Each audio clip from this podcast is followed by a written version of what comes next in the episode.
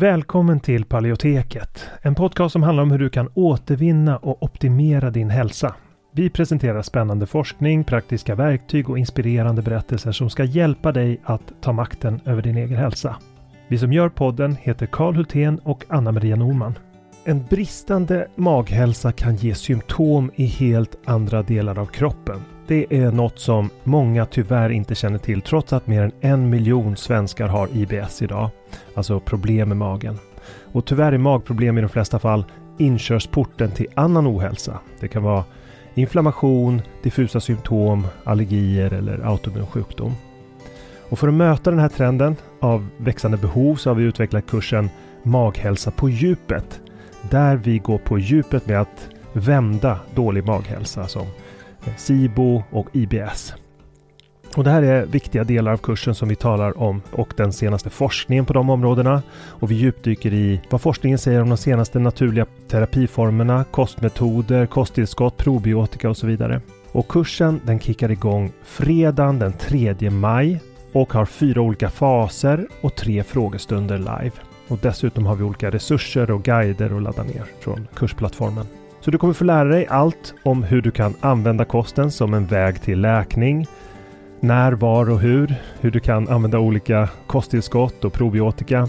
Och om du redan är medlem i Hälsodetektiverna så får du som vanligt en rabatt på allt vi gör, så även den här kursen.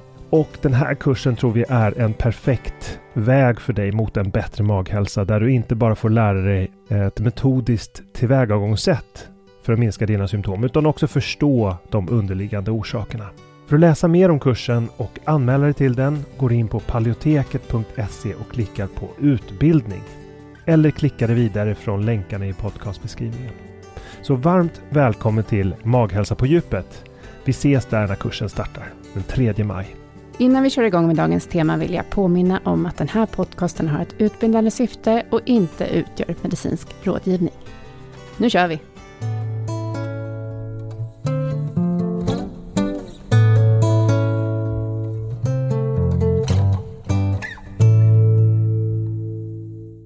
Jag mådde som sämst då kunde jag inte gå ner för trapporna själv. Då fick ju min man bära mig ner. Eh, det kändes som, man, som jag gick på glassplitter. Jag hade, det, gjorde, det, det brände liksom inne i lederna och nu så har jag ju inga symptom alls um, av min reumatism. Jag slutade med metotrexat för är det tre och en halv månad sedan nu tror jag och så slutade jag med Simsi också för någon, två månader sedan tror jag. I det här avsnittet intervjuar Anna-Maria Ulrika Toft Hansen som har spelat handboll på elitnivå sedan hon var 22 år. Hon har spelat i Danmark, Sverige, Tyskland och Frankrike, varit med i OS i London och spelat i svenska landslaget. Men sommaren 2017, samtidigt som hon spelade i danska ligan, fick hon reumatism. Hennes nydebuterade autoimmuna sjukdom föregicks, som den så ofta gör, av magproblem, akne, hormonella problem och utebliven menstruation. Men idag är hon helt symptomfri med hjälp av kosten och har kunnat sluta med sina läkemedel Metotrexat och Simsia.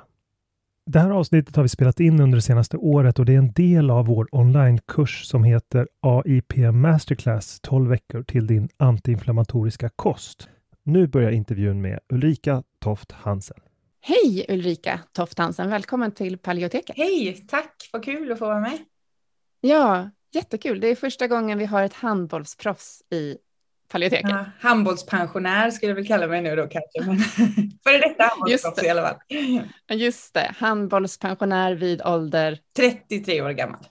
33 år, mm. ja. Oj, oj, oj, så du har blivit utmanövrerad av alla 18-åringar? Ja, nu kände jag att nu kunde de vara nästan barn, de jag spelade, mina egna barn som jag spelade med. Så nu kände jag att det var dags att lägga skorna på hyllan. Ja, jag förstår. Ja, men det ska bli jättespännande att höra lite, för vi, vi ska prata om din hälsoresa mm. idag mm. Eh, med reumatism mm. bland annat. Mm. Men eftersom jag aldrig har pratat med en elitidrottare så skulle jag först bara vilja veta lite. Först få veta lite om dig generellt, men mm. också lite kring din bakgrund ja. som elitidrottare. Ja, men vem är jag? jag? Eh, det är ju också en fråga som jag ställer till mig själv nu eftersom halva mitt liv har jag varit handbollsspelaren Ulrika. Men nu är jag, jag har två små barn, Ida och Oliver. Jag är gift med också en handbollsspelare, en dansk handbollsspelare som spelar i Paris. Eh, vi bor i Paris. Eh, jag är uppväxt på en stor bondgård utanför Jönköping. Det är väl lite min, min bakgrund, om man säger. Eh, sen började jag väl spela handboll när jag var sju år. Eh, och så spelade jag i den högsta ligan i Sverige, fem säsonger. Och där var jag väl eh, halvtidsproffs kan man säga.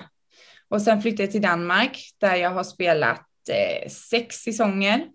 Och sen till Tyskland, där har jag spelat två säsonger och så har jag spelat två säsonger i den franska ligan, där jag slutar nu då.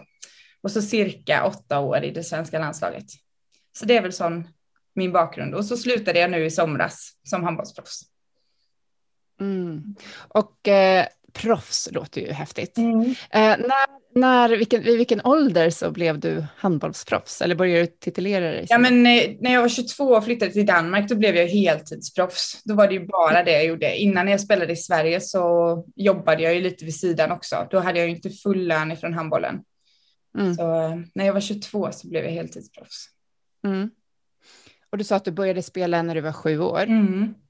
Så hur har det sett ut då under tonåren? Hur mycket tid har du lagt liksom, på den här Men jag gick, träningar och sånt? Mm, det är mycket tid. Jag gick ju handbollsgymnasium eh, och innan det så tränade jag väl kanske två, tre gånger i veckan. Men jag gjorde ju också andra sporter då, som alla andra innan man vet liksom, vad man ska välja eller om man ens ska hålla på med idrott.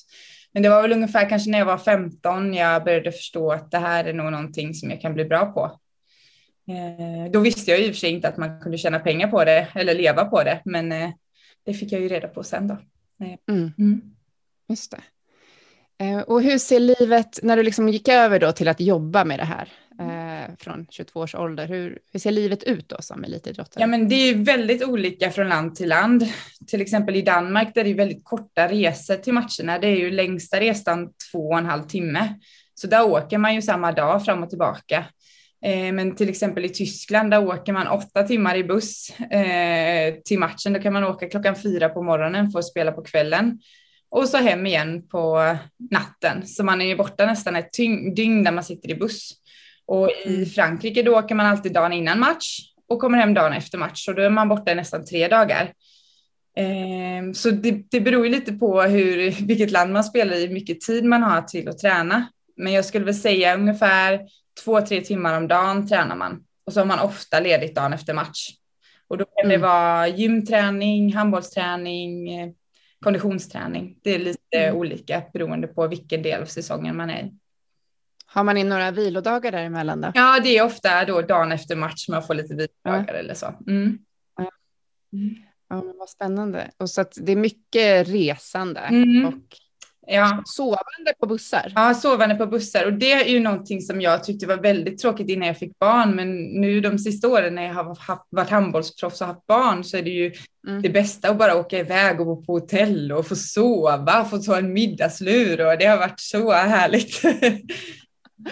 Jag tänkte annars att det skulle vara svårt att sova liksom, när man sover på buss. Nej, men det kanske är... Nej. nej? inte sittande utan liggande. Det, liksom. det, jobbigaste är nästan tycker jag när man har kommit hem från en månad med landslaget när man bara sover och äter och är van vid att få maten serverad. Och helt plötsligt ska man själv ta bort sin tallrik eller själv laga maten. Det, det Just det, då inser man hur mycket jobb det är liksom, att laga, diska. Mm. Ja, precis. Men vad är det häftigaste du gjort under din karriär skulle du säga? Oh, eh, det är väldigt många saker. Jag skulle säga att OS har varit eh, väldigt häftigt att få spela. Jag var spelade OS i London 2012. Eh, sen det häftigaste jag väl gjort det är väl att jag vann pokalfinalen med danska ligan 2017 och då var jag 16 veckor gravid och jag eh, blev bästa spelare på planen. Eh, och jag hade reumatism i princip i hela kroppen. Så på morgonen kunde jag knappt gå, men jag spelade den bästa matchen jag gjort i hela mitt liv. Så det är väl sån, mm. eh, kanske inte hög, högst på allas meritlistor, men på min med kroppen och, och, hur jag var så var, är det den bästa, bästa meriten jag har. Mm. Mm. Ja, men vad spännande. Vi ska ju återkomma lite till det här med reumatismen mm. och träningen eller tävlandet och sådär. Mm. Så eh, om, vi, om vi går när var det här då? då? När du, du beskriver det här när du hade 16 veck, var 16 veckor gravid. Mm. Vilket år var det här? Det var 2017 i november. Mm. Mm. Och när, när fick du din reumatism? Ja, men jag, jag har nog haft den eh, lite längre än vad jag trott, men jag fick det konstaterat i, efter sommaren 2017 fick jag konstaterat att jag hade det. Mm. Och hur hade du anat det? Hur hade det känts i kroppen? Ja, men alltså, jag har ju spelat handboll med brutna tår och bruten handled liksom, och jag har fått barn, men den här smärtan var något annat. Liksom. Det kändes som, man, som jag gick på glassplitter. Jag hade, det, gjorde, det, det brände liksom inne i lederna. Eh, och jag hade ju ändå varit hos våran lagläkare och han lovade ju till 200 procent att jag inte hade någon reumatisk sjukdom som det ofta är när man har något sånt, att vanliga husläkare inte kan se det liksom. Mm. Jag hade, men jag har, har en farmor som eh, har haft eh, reumatism, eller innan hon dog då. Och min mamma mm. har jobbat på reumatologmottagningen ungefär hela min uppväxt. Så jag visste, jag var ju säker på att det var något sånt jag hade fått, eh, även att läkarna sa något annat. Mm. Men, eh, men eh, om du tänker på de första tecknen, mm. vad skulle du säga att det var om du tänker tillbaka? Lite? Ja, men de första tecknen var att mina fingrar började svullna upp på semestern. Um, mm. Och då spelar man, alltså vi har ju ofta ganska svullna fingrar för att man slår sig ganska mycket. Men de här kom på en tid där jag inte skulle kunna ha svullna fingrar och det mm. hoppade liksom runt. Um, så jag kände mig nästan lite schizofren. Alltså ena dagen hade jag ont där och andra dagen i nästa finger. Så det var fingrar och, och, och framfötter som svullnade. Och väldigt konstigt liksom. Mm. Mm. Och du gick till läkare men fick liksom inte riktigt Nej, han, en ordentlig undersökning? Nej, så jag tog ju blodprover och så och han var ju, han garanterade ju som jag sa 200 procent att det inte var något fel på mig. Jag var bara lite överbelastad liksom. Mm. Ja.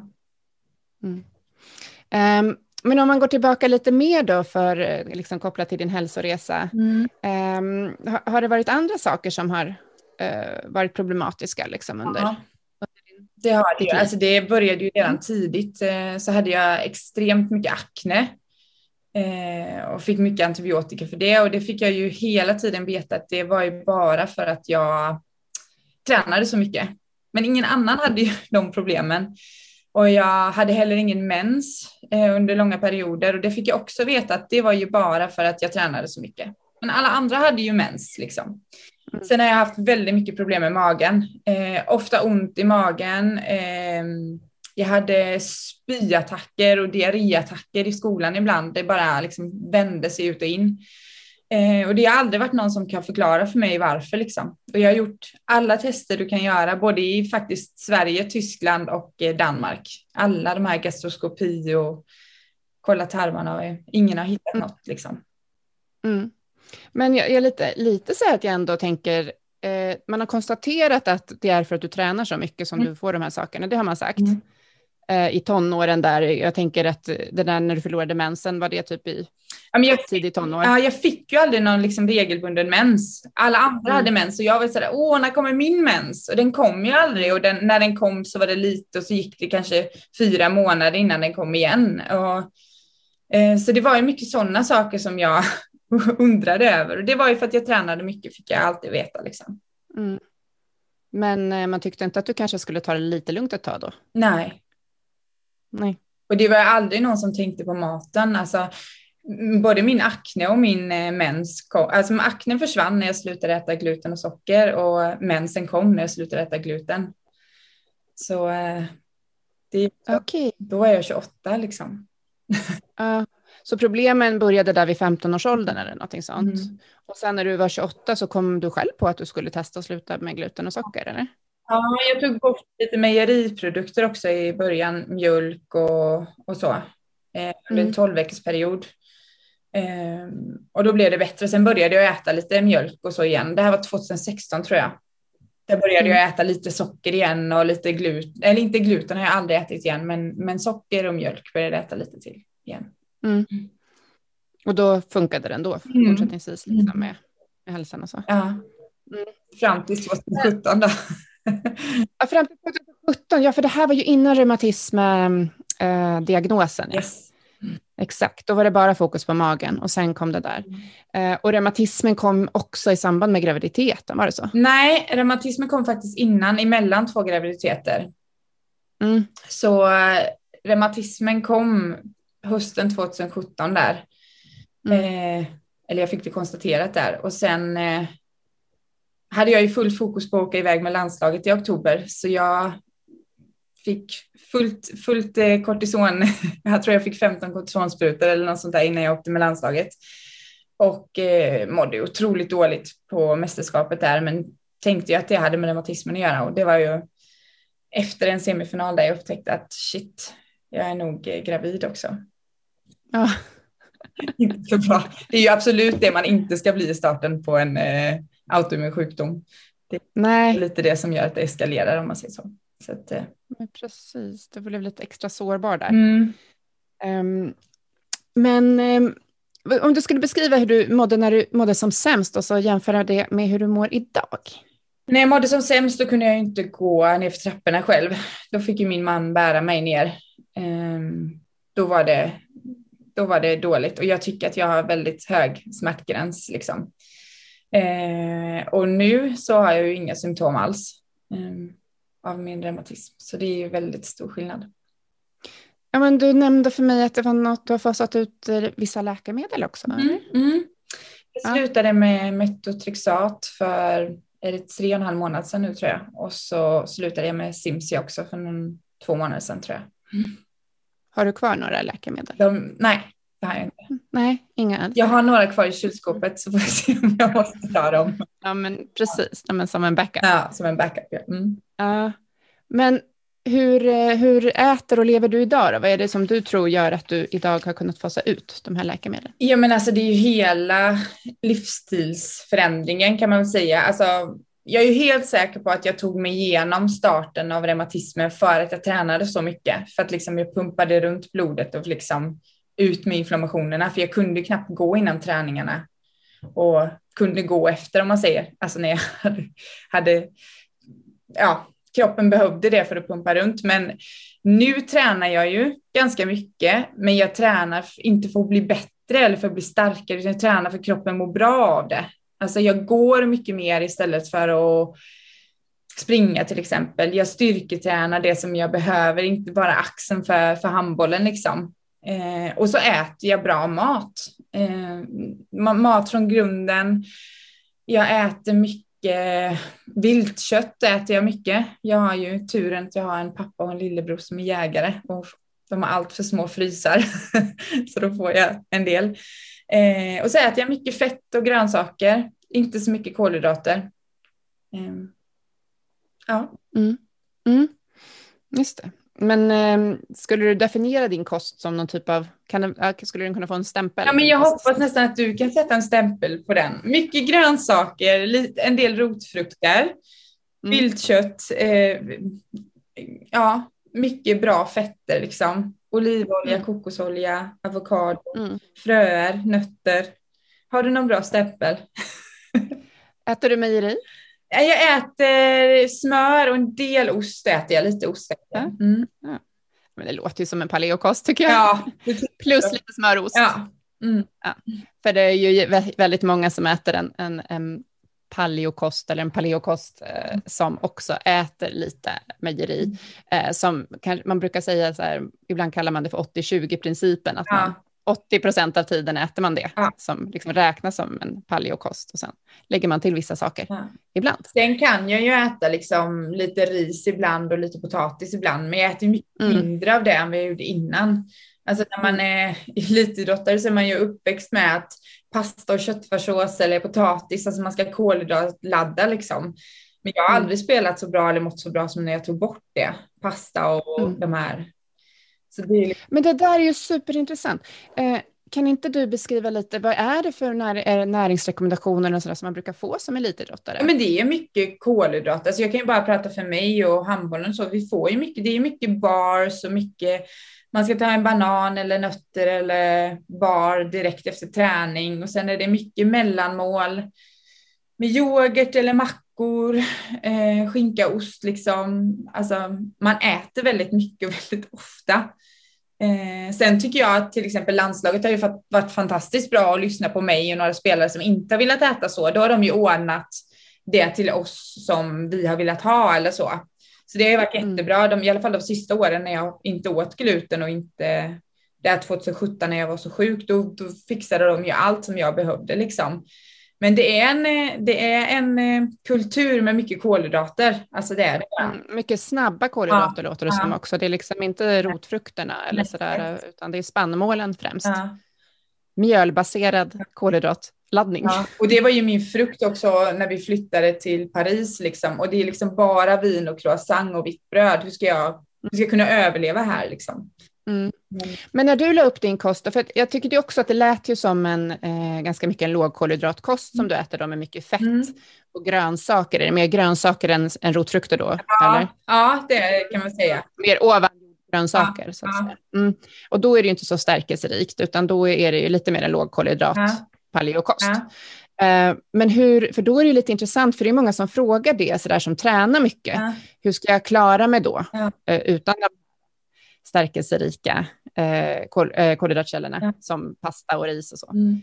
Hur gjorde du? Åt du sådär ofta eller åt du mycket när du åt? Eller hur gjorde Nej, du? men alltså jag tycker att det är, alltså jag äter när jag är hungrig. Sen äter, man, äter jag kanske lite oftare för att jag har barn nu.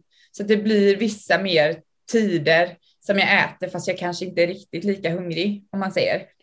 Men jag, jag, min kropp har blivit mycket bättre av att, att ta bort kolhydrater. Mm. Eh, sen har jag ju fått göra, jag har ju liksom kokat pasta till min man och så har jag stekt, stekt vitkål till mig. Vi, han äter ju alltid pasta och köttfärssås innan match liksom. Och han mm. spelar tre gånger i veckan så blir ju liksom. Men eh, då har jag gjort till mig och han har ätit sitt. Eh, mm. Men han, en liten sån parentes, han fick hjärnskakning för ett eh, halvår sedan och eh, kunde inte spela, han kunde knappt gå ut, han hade huvudvärk hela tiden och han var hos specialister i Tyskland, i Sverige, i Frankrike och ingen kunde hjälpa honom.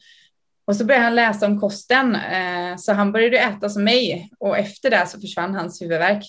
Så han äter inte heller lika mycket kolhydrater och snabba kolhydrater längre heller. Ja, magi. Magi, ja.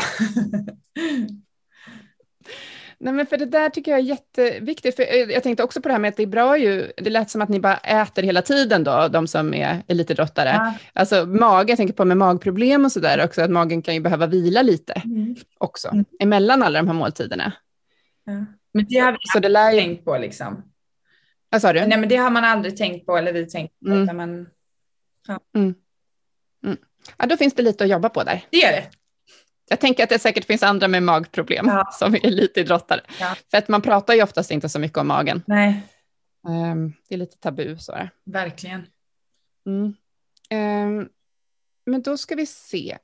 Tycker du att du har fått bra hjälp av sjukvården då sen när du väl insåg att du hade reumatism? Men min, min klubb skickade mig till en eh, reumatiker och idrottsläkare efter ett tag när de insåg också att det här går ju inte, liksom. hon kan ju knappt gå. Eh, och han konstaterade ju direkt att jag hade reumatism när han tittade på mina fingrar och blodprov och sådär. Eh, och jag kan väl säga att jag hamnade fort på hans topp tre av de jobbigaste patienterna han någonsin hade haft. För jag ifrågasätter allt och jag skulle inte ha någon medicin liksom. Eh, så jag fick ju mycket kortisonsprutor för att kunna spela, för jag ville inte ha någon medicin. Kortison är väl heller inte superbra. Eh, vad pratar du om biologiska ja. läkemedel då? Ah. Han ville ju helst sätta mig på Cimzia och Metotrexat i början och det ville inte jag. Eh, så jag spelade ju faktiskt i sju månader tror jag utan eh, läkemedel. Men i februari eh, när jag blev väldigt dålig och eh, jag var gravid också, då blev Ida i magen så stressad av alla inflammationer. Så då behövde jag börja med medicin och då började jag med Simsia eh, sprutor. Och eh, sen fick jag också lägga till Salasoperin då, för att jag var gravid. Eh, men han, eh, han var jättebra den läkaren. Vi, kunde, vi, satt ju, vi var väldigt eh, oeniga om att vi var oeniga. Liksom. Att, eh, han tyckte att man skulle ha medicin och jag tyckte inte det. Jag trodde att jag kunde läka mig själv med maten. Eh, och det har jag gjort, tycker jag ju, men det har tagit tid. Jag hade inte kunnat spela handboll eh, och bara ha maten i början. För det var så stressigt liv, liksom. eller det är ju mycket stress att spela handboll och jag kände också att jag hade en vad ska man säga, en plikt att kunna träna varje träning och spela liksom. Eh, så då kan man inte bara säga att man har ont vissa dagar utan då mm. tog jag medicinerna och sen efter när jag hade varit gravid och ammat klart så började jag ta eh, metotrexat för då hade jag fortfarande lite ont i kroppen. Eh, och sen under nästan hela det här året så har jag provat att sluta med medicin flera gånger men fått ont direkt. Eh, mm. Och det tror jag beror på att jag egentligen bara har lagt om kosten. Jag har inte lagt om alla andra delar runt utan det var, det var mer viktigt att sova och träna rätt och och inte stressa också. Jag har ju bara fokuserat på att äta rätt liksom. Mm, eh. just det. Fram till nu, du har inte, börjat, du har inte känt att du har jobbat så mycket på det nu heller? Jo, utan... nu det sista mm. halvåret så har jag ju mm. istället för att bara sluta med medicin så har jag liksom stegvis trappat ut den, sänkt mm. dosen mm. liksom. Eh. Mm. Och också tänkt på det här med hela livsstilen. Exakt, alltså det, ja. jag kan inte bara äta bra och så låta bli att sova för då får jag ont. Liksom. Eller ja, men precis. Stressa, utan allt är jätteviktigt runt om. Mm. Mm. Vad har du gjort för korrigeringar då, då som du tror har gjort att det funkar att trappa ner på läkemedel? Eh, ja, men jag, jag tog 15 milligram Cimzia innan och sen gick jag ner till 10 mm. och jag märkte ingen skillnad. Sen gick jag ner till 7,5 eh, och sen så tyckte min läkare att jag kunde sluta med den. Mm. Eh, och så eftersom min mamma har jobbat på reumatologen så sa hon, men Simsia fungerar inte ensam, den måste man ju ta tillsammans med ett läkemedel. Ja men vad bra, då slutar jag med den också då, så jag. Och så, mm. så har jag inte tagit någon mer spruta efter det. Ja. ja. Men just det här också med att du, har, du nu är föräldraledig och att du stressar mindre och sådär, mm. eller? Ja, jag tror det. Att det är det. Mm. Eh, att jag... Och inte så, inte så hård träning heller, utan Nej, lite mildare. Jag, jag, tränar inte för att bli bättre eller starkare eller snabbare, utan jag mm. tränar för att kroppen behöver det. Mm. Eh, alltså att vara handbollsproffs och mamma är ju det bästa jobbet. Alltså man jobb, jobbar två, tre timmar om dagen, men det är ju också, handboll är ju en av världens hårdaste sporter. Eh, mm. Men anledningen till att jag kom tillbaka och ville spela här i Paris igen var ju för att jag ville bevisa och ville göra det som en morot för andra barn och med autoimmuna sjukdomar att man faktiskt kan hålla på med elitidrott om man bara lever rätt. Liksom. Det var ju det som var min motivation de sista mm. åren. Mm. Ja, men det där är ju spännande. Mm. Då får du sätta upp en liten actionplan här. Så här, Hur ska personer med reumatism eller andra kroniska sjukdomar kunna idrotta på det sättet? Alltså bli elitidrottare? Vad behöver, vad behöver förändras? Ja, men det behöver, man måste ju förändra livsstilen. Alltså jag, jag för mig är det ju de punkterna jag tagit upp, alltså sömn och mat och, och stress är ju jätteviktigt att ta bort liksom. Eh, och sen kan man ju välja då om man, om man vill ta medicin. Alltså, jag ville verkligen inte ta de här cellgifterna liksom. Jag ville ut mm. ur det. Och då får man ju offra lite mer på maten kanske och lite mer. Alltså man kan ju välja att leva halv halv kan man säga. Mm. mm. Ta medicin och, och och kanske man måste ha lite stressigt liv eller man har mycket i skolan. Men jag vill i alla fall kunna visa att det går. Om man, om man verkligen vill någonting så går det. Mm. Eh, och det är ju bara en själv som kan sätta de gränserna tänker jag. Fast kanske inte, tänker jag. Nej, kanske inte. Alltså jag tänker så här, kan det vara så att det är ett systemfel? Ja. ja. Kan det vara så att det ställs vissa krav på tonårstjejer? Mm som ska bli lite drottare, mm. eller tonårskillar för den del, ja. som liksom är kontraproduktiva? Eller det är en fråga? Ja, men absolut. Alltså, jag tror ju verkligen, det är också därför jag har, alltså jag har ju valt nu att sluta spela handboll. Inte för att jag inte kan spela mer, utan för att jag inte vill spela mer, för att jag brinner ju för att prata om det här.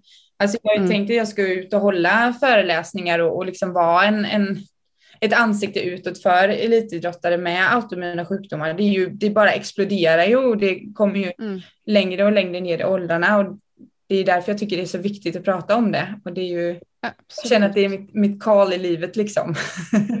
Nej, men för att, vad, vad, jag tänker är lite sådär, om man ska gå tillbaka till vad du, upp, vad du har, kan notera nu i efterhand. Mm.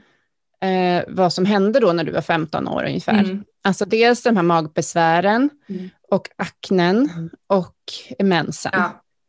Så att jag tänker, det kanske man gör idag. Alltså jag vet inte, men har man koll på, på tjejerna? Nej. För det är ju mycket som händer hormonellt ja. när man är på puberteten. Liksom. Men jag blir bara tokig över, alltså när jag gör en sån här checklista över allt, alla de här grejerna som man som gör att man får en autoimmun sjukdom om man ätit för mycket antibiotika. Alltså det är så mycket sådana. Jag har ju check på alla de listorna och tänk om jag inte hade fått de här antibiotikakurerna utan någon kanske hade letat efter, alltså inte bara tagit bort symptomen utan faktiskt letat efter orsaken till att jag fick akne. Eller letat efter orsaken till att jag inte fick mens. Alltså då hade ju problemet kanske inte varit att jag fick reumatism så tidigt. Så jag är fullständigt enig att man man, man måste hjälpa tjejer och killar att leta efter problemen och inte mm. bort symptomen. Absolut. För det där med antibiotikakurerna, för det hörde jag du berättade i, i intervjun med Anna Sparre där. Mm. Alltså att du sa att, att du hade, fick också väldigt mycket antibiotikakurer. Mm. Jag, fick, alltså, jag tror jag fick tre eller fyra antibiotikakurer för aknen. Eh, och det kom ju tillbaka direkt när jag hade ätit den och så fick jag en ny. Liksom. Mm. Och sen har det ju också varit flera gånger i, när man är elitidrottare att liksom man har en förkylning och man ska spela några viktiga matcher så har man fått någon antibiotikakur in, liksom, för säkerhets skull.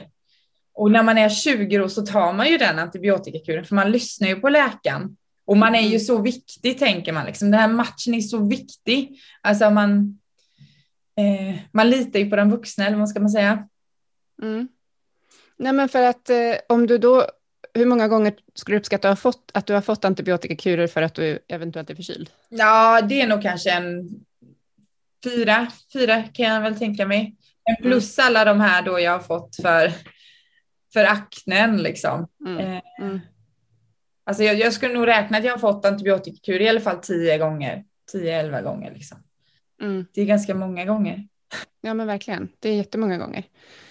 Um, nej men för där, där känns det som ett systemfel. Ja, alltså så här, att man sätter in liksom antibiotikakur så, så fort en spelare då eventuellt är förkyld. Ja. Och förkyld, det hjälper ju inte med antibiotika. Nej. Så det är ju att de Men tror att de har någonting annat. Det skulle vara något mer, det vet man aldrig. Ja.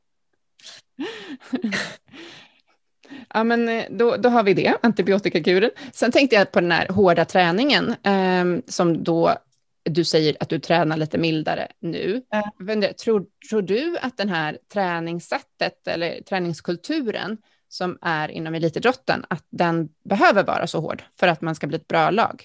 Alltså, det är ju det är också en fråga som jag ställer mig, för i Sverige så tränar vi i alla fall väldigt mycket tung styrketräning. Eh, och i Frankrike nu när jag spelat de sista åren, där tränar man väldigt mycket med kroppen. Mycket kroppsstabilitet. Och Frankrike, både herrar och damer, i alla fall i handboll, är ju två av världens bästa lag. Um, så ja, jag är också lite sådär hur, hur vi tränar i Sverige mot hur man tränar i andra länder är, är väldigt olika liksom.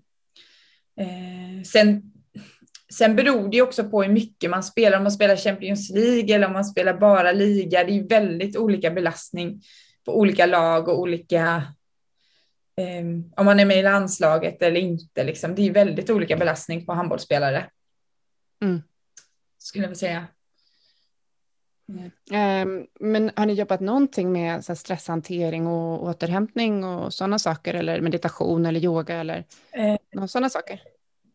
Nej, Mm. Vi är väl alla som kylskåp skulle jag säga. inte så mycket yoga. Jag själv gjort lite yoga efter graviditeten. Mm. så. Men, eh. För jag tänker att om man tänker att en väldigt hård träning är en stress för kroppen, mm. Eh, så tänker jag att de här unga kropparna som liksom också är liksom nyss i puberteten, skulle kunna må bra av att ibland varva ner också. Mm. Sådär. Att det kanske, eller jag vet inte, jag är inte tränare, men jag bara tänker att då kanske man också skulle kunna gynna mm. träningen genom att och också, också få, ner, få ner stressen. Liksom. Ja, absolut, det tror jag också. Mm. Det är också en faktor som jag har tänkt över de sista åren med mig. För jag är väldigt mycket vinnarskalle, jag måste alltid vinna. Så varje mm. träning och varje match så har jag hundra påslag på adrenalin liksom. Adrenalin är väl inte så bra kanske att gå runt med i kroppen varje dag. Eh, Nej. Så Nej. jag försöker att hejda mig nu när jag spelar kort och när jag liksom vanliga sällskapsspel. Man behöver inte vinna varje gång, utan man kan spela för att det är kul. Barn, barnen kan få vinna. Ja, exakt. Jag försöker tänka så nu. Nu är Oliver fem, nu kan han få börja vinna lite. Nej, men för där är ju, tänker jag också, är säkert ett liksom, karaktärsdrag. Alltså, har man lyckats bli elitidrottare som 15-åring, mm. då är man otroligt målfokuserad mm. och ambitiös. Mm. Ja. Eh, och, och vad sådana personer behöver kanske är just att komma ner i varv lite grann. Mm. För att inte förlora mensen. Ja. Eller, eller få så mycket akne. Ja. Alltså så, ja. Um, ja. så jag tror du har väldigt viktiga saker att uh, förmedla här. Ja, jag hoppas det. um, har du några konkreta tips då till när man ska lägga om kosten? Eller du, jag har en fråga först. Ja. Jag tror jag hörde att du även hade testat autoimmun kost. Mm, det har jag. Under en liten kort period. En väldigt kort period. Alltså där var ju, eh, ja, ja, det har jag gjort. Men det var inte riktigt värt för mig att äta så, för jag kunde inte gå hem och äta hos någon eller liksom, eh, livet blev väldigt eh, snävt om man säger så.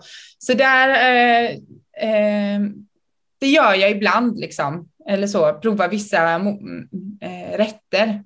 Men jag tycker att det är väldigt svårt att leva så. Speciellt mm. när man har barn och, och, familj. Liksom. Så du valde en lite mer så här paleokost? Ja, och, och ja. Mm. Eh, det har jag gjort. Ja. ja. Men har du några konkreta tips till personer som just eh, ska lägga om kosten? Till en lite hälsosammare kost. Ja, släng ut allt som du inte behöver ha hemma, som, som frestar dig liksom. Eh, jag kan inte ha choklad och sånt hemma i skåpet. Jag har 90 procent choklad hemma och så om jag ska köpa fredagsmys till barnen, då köper jag det på fredagen. Så jag vet att de får det på fredagen och mäter upp det på fredagen liksom. Eh, och sen så tänker jag på att man man måste vilja det inuti. Alltså, det är många som frågar mig, blir du inte sugen på att äta en kanelbulle när vi andra sitter och äter den? Och jag blir verkligen inte det, för det tar tio sekunder att äta den där kanelbullen och jag vet att jag har ont i två dagar. Och jag tror att man måste komma till den inre insikten liksom. Och man blir inte smal av att äta en sallad och man blir inte tjock av att äta en hamburgare liksom. Man måste, man måste tänka långsiktigt och man måste verkligen vilja det eh, helhjärtat för att det ska fungera. Mm. Jättebra. Då ska vi bli lite konkreta. Vad är dina favoriträtter? Oh, mina favoriträtter? Ja, men jag är en, eh, eh, har, jag är så lite periodare kan man säga. nu har vi ätit mycket tonfiskpizza faktiskt. Eh, där botten är tonfisk och så eh, grejer uppe på. Eh, vad är mina favoriträtter mer? Nej, men det här måste du berätta. Ja. Hur lagar man den? Tonfiskpizza, hur, hur går det till? Nu fastnade du. Mig på min mat-Instagram så hittar du vänta, den. Vänta, vänta, stopp, stopp, stopp, stopp, stopp. Du har fastnat. har jag fastnat? Hör du mig? Ja, jag hör dig. Hör du mig? Du, vi, pa vi pausar lite nu, ska se om vi kommer ikapp. Okej, nu får du prata. Ja, eh, ja men tonfiskpizza är nog min favorit som vi gör ganska mycket hemma nu. Som barnen älskar och som jag gillar jättemycket. Eh, och hur gör man den? Ja, men hur gör man? Man använder eh, tonfisk, ägg och fiberhusk och så olika kryddor och så mixar man ihop det eller med en gaffel och så lägger man ut det som en botten på en plåt och så in i ugnen tills den har fått lite färg och så tar man ut den och så lägger man på det man vill ha på pizzan och så in igen tills den är färdig. Supergott. Det smakar inte fisk. Den smakar som en pizza liksom. Mm. Vilken rolig idé. Ja, jag har bara gjort så blomkålspizza ja, och sånt. Men det tröttnar man lite på, det blir lite vattnig och så ibland. Mm, mm. Så det får ni prova. Ah, har du något mer? Ja, men chicken nuggets är också något som eh, barnen gillar väldigt mycket. Det är ju kycklingfärs och lite riven ost, fiberhusk, ägg, kryddor. Och så gör man små nuggets och så rullar man dem i ägg och mandelmjöl. Mm. Mm. Supergott. Och en tredje sak? Eh, men jag skulle vilja säga brownie eller morotskaka. Mm. Mm. Är det trevligt? Har du, med mandelmjöl eller? Ja, vad kör du för mjöl? med mandelmjöl. Mm. mm. Ja men vad gott. Men, men du har ju ett Instagramkonto med mat. Vad heter det?